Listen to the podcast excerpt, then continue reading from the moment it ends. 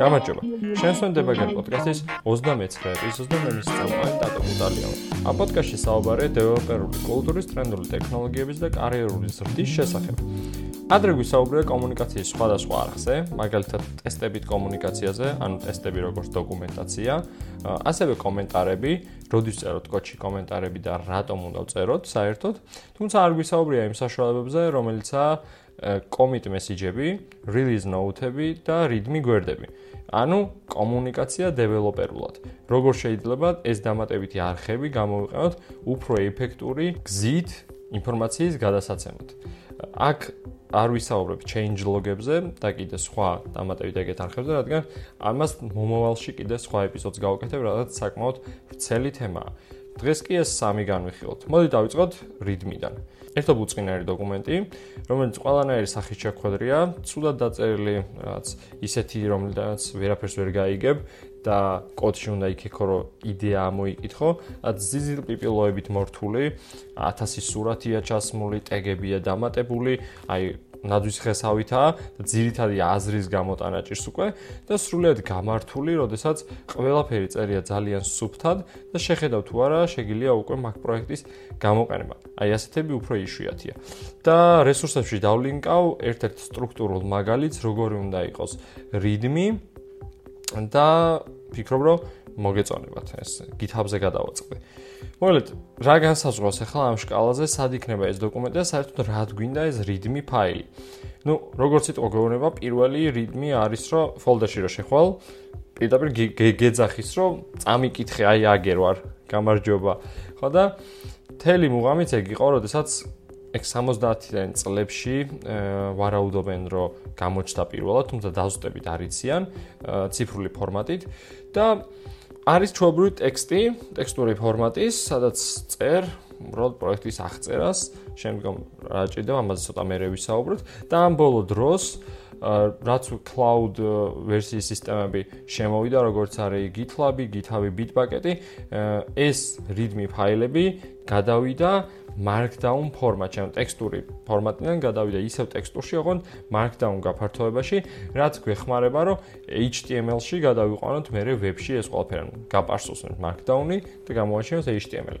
ძალიან კარგია ეს, თუმცა აქ არის ის პრობლემა, რომ როდესაც აი ასე ნაძვის ხესავით მოვრთავთ ამ readme-ს და გავაფორმეთ ბევრი სურათით, უაზრო ბეჯებით, რაღაც gif-ებით და ასე შემდგომ, ეს markdown-ი რაც რენდერდება მაგას კი ვხედავთ, თუმცა მე თუ პროექტს გადმოვწერ ლოკალურად ჩემს კომპიუტერში და არ მაქვს markdown-ის საკ პლაგინი დაყენებული, ან რაიმე მსგავსი, ამ შემთხვევაში უბრალოდ ძალიან გამიჭირდება წავიკითხო readme-ში რა წერია, რადგანაც უკან ტექსტურ ფაილში საშინელი სანახავია, როდესაც აიმდენი image tag-ები ხდება, სხვადასხვა URL-ები, რომელიც ამ ბეჯებზეა გალინკული, მოკლედ ძალიან ცუდი წასაკითხი არის და ნებისმიერი ვინც წერდ readme-ს, თხოვთ გაითვალისწინეთ, რომ ის ადამიანები, ვინც შეიძლება რომ ეს გახსნან ტექსტურ ფორმატში, რაც განკუთვნილი იყო, რომ კარგად გამოჩენილიყო და გასაგებად, აქეთ ხარეს აზრს კარგავს. არ ვამბობ, რომ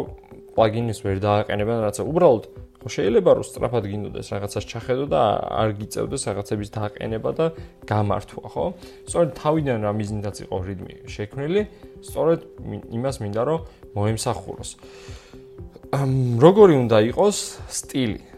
რიტმისი სტილისტიკა, სწორედ ის რაც დავლინკე, მაგას რო გავყვეთ, პროექტის აღწერა, ზოგადად რას აკეთებს, შესაძლო პრერეკვიზიტები ამ პროექტის გასაშვებად, ტესტები როგორ გაუშვათ, დეველოპმენტ გარემო როგორ გავმართოთ, რაც ვერსიონირება როგორ ხდება, ავტორები, ლიცენზია, სამადლობელი, მაგრამ ძალიან ძალიან ბევრი პატარა დეტალი არის, რომელიც თქვენს კომპანიას და თქვენს პროექტებს უნდა მოარგოთ, თუმცა ფაქტი ერთად რჩება, რომ ეს უნდა იყოს ძალიან მინიმალისტური და ანუ აღწერა, პრერეკვიზიტები, თუ ტესტები არის ტესტები, დეველოპმენტ გარემო და მაგის ქვემოთ უკვე თუ რამე ძალიან სპეციფიური კონფიგურაციებია გასაწერი. მაგ შემთხვევაში ეგ თლიანად გასატანი არის ვიკი სექციაში და ვიკი სექციაში უნდა არსებობდეს სხვადასხვა ვერსიისთვის, სხვადასხვა კონფიგურაციები და ასე შემდეგ. ანუ readme ამითვე არ უნდა გადავტვირთოთ. ხო. მოდი ახლა გადავიდეთ commit message-ებზე. ხო, ეს ცოტა უფრო რთული თემაა, იმიტომ რომ კარგი commit message-ის წერა რთულია.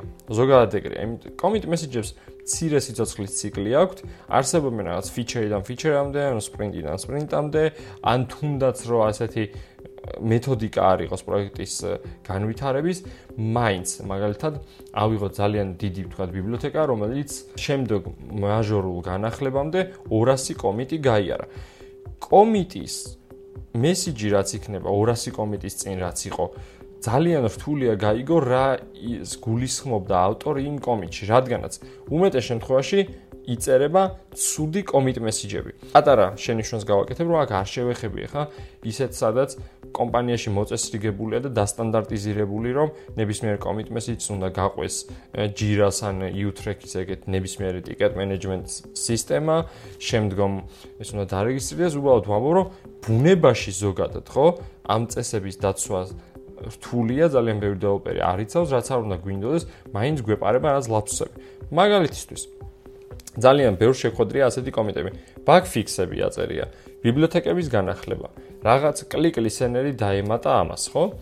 კარგი, დღეს გასაგებია, ხვალ გასაგებია, ვინც ამაზე მუშაობთ, მაგრამ ვინც ამას შევხედავთ 3 კვირის მერე, ანუ 200 კომიტით უკან რაღაცას ჩავხედეთ, ხდება გაუგებარი რაღაცა, რომელი ბაგი გაიფიქსა? რას დაემატა ტესტები? ან რას დაემატა კლიკ ლისენერი? ანუ უკვე გაუგებარი არის, ხო? ამას გულისხმობდი ზუსტად ძალიან მცირე სიცოცხლის ციკლი აქვს. საპირისპირო კარგი commit message იქნება, რომ აი ამ კლას დაემატა ტესტები, ანუ ამ კლასისთვის ტესტები დაემატა, კონკრეტულად გაიფიქსა ეს და ეს ბაგი, ან მითითებული არის ლინკი, თქვათ Jira-ზე. ასევე და აი ამას და ამ რაღაც ელემენტს დაემატა კლიკლისენერი და თითო კომიტში უნდა იყოს მხოლოდ ის, რაც იქ კეთდება და არაფერი სხვა ზედმეტ. თუნდაც ერთხაზიანი იყოს, უნდა იყოს იქ. და ეგ არის სწორად. ხო და ესე რომ ზუსტად დაწერო კომიტ მესიჯები, ზოგჯერ გვეზარება, ზოგჯერ გვავიწდება, ზოგჯერ ვფიქრობ, ო, ეს კი გასაგებია, გასაგებია და მე რა აღმოჩნდება, რომ არაა გასაგები. აი, ამაზე ცოტა კიდე ქვემოთ ვისაუბრებ, ეხა release note-ებს ცოტა შევეხები. მანამდე კი ვიტყვი, რომ როგორც მანამდე საუბრობდი, რომ კოდში კომენტარი გვეუბნება რატომ წერია ეს კოდი და არა რასაკეთებს, იგივენაერად შეცვლილი ფაილები ხო git-ში გვეუბნება რა შეიცვალა, ხოლო git message-ები გვეუბნება რატომ შეიცვალა რაღაცა და საიტკენ მიდივართ, ანუ რაც პროექტის განვითარებას გვიჩვენებს მთლიანად, რაც ბევრად ამარტივებს სიტუაციას. და მოდი გადავიდეთ მესამე ნაწილზე, სადაც საუბარი არის release note-ებზე. release note-ები ყველაზე ბოლოსთვის მოვიტოვე, რადგანაც დიდწილად დამოკიდებული არის commit message-ებზე. რა არის release note-ები?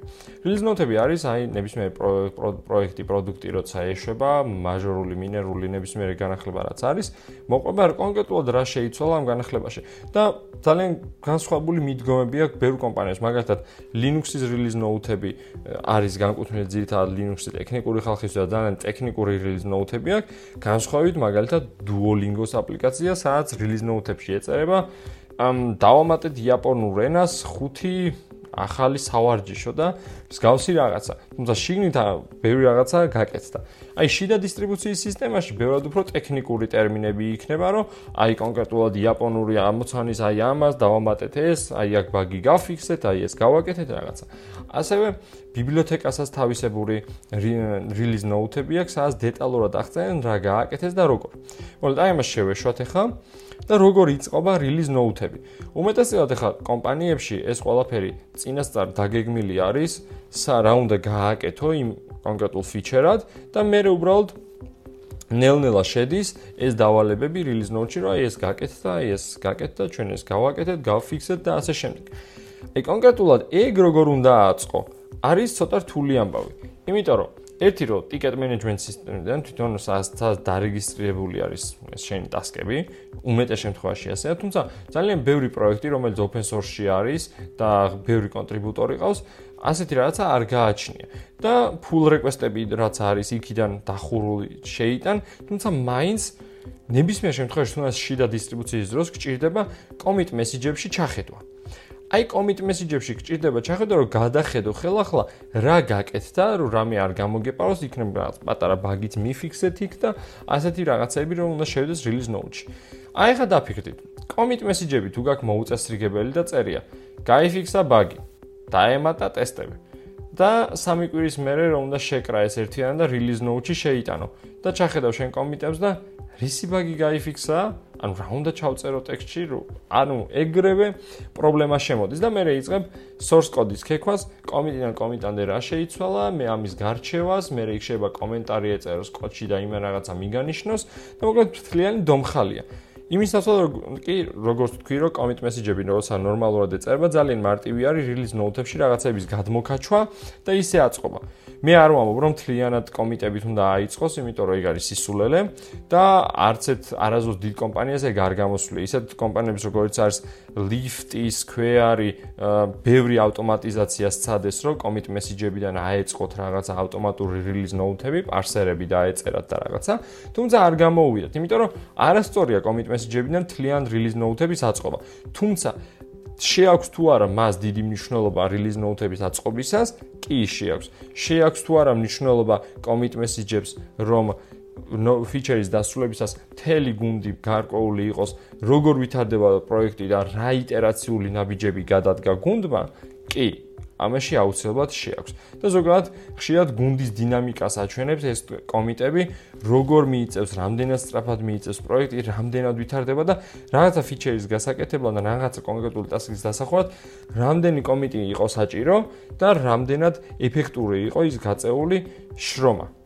მეტნაკლებად შეიძლება ამის გაზომვა. სულ ეს იყო დღეს ის საუბარის და მოყოლაც მინდა თქვენთვის მომავალში როგორც თქვი ვისაუბრებ change log-ზე და კიდე სხვა სხვა რაღაცეებზე. ის რაღაცები რაც ვისაუბრე commit message-ებზე და readme-ზე რესურსებში იქნება. კიდევ ერთხელ გთხოვთ, რომ Facebook გვერდი დაალაიქოთ, ვისაც არ დაალაიქებული და გააზიაროთ, რათა სხვებაც იპოვონ და იქნებ სასარგებლო აღმოჩენს მათთვის. და აქ და გემშვიდობებით, მადლობა ყურადღებისთვის. Thank you.